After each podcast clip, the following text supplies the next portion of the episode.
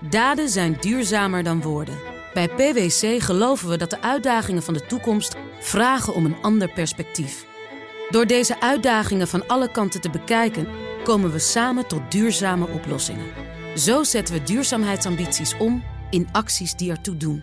Ga naar pwc.nl. Hoi, ik ben Carlijn Meinders. Dit is Wetenschap vanavond. Een minuutje wetenschap voorbij het tandenpoetsen. Een internationaal team van onderzoekers heeft ontdekt dat op de huid van egels een schimmel te vinden is die antibiotica produceert. In reactie daarop worden bacteriën die daar ook zitten resistent. Deze specifieke superresistente bacterie is dus niet het gevolg van antibiotica gebruikt door mensen, maar een gevolg van een biologisch proces dat al zeker 200 jaar geleden in gang is gezet. De bacterie werd gevonden in melkvee.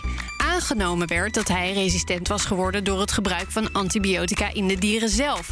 Maar dat blijkt na grondig speurwerk dus niet te waar te zijn. Overigens willen de onderzoekers met hun bevindingen absoluut niet doen alsof het probleem met antibiotica-resistentie wel meevalt.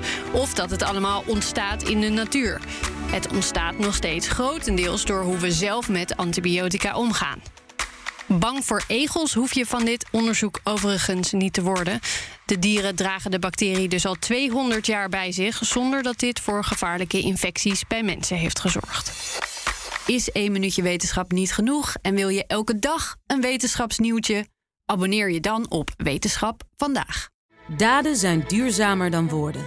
Bij PwC geloven we dat de uitdagingen van de toekomst vragen om een ander perspectief. Door deze uitdagingen van alle kanten te bekijken, komen we samen tot duurzame oplossingen. Zo zetten we duurzaamheidsambities om in acties die ertoe doen.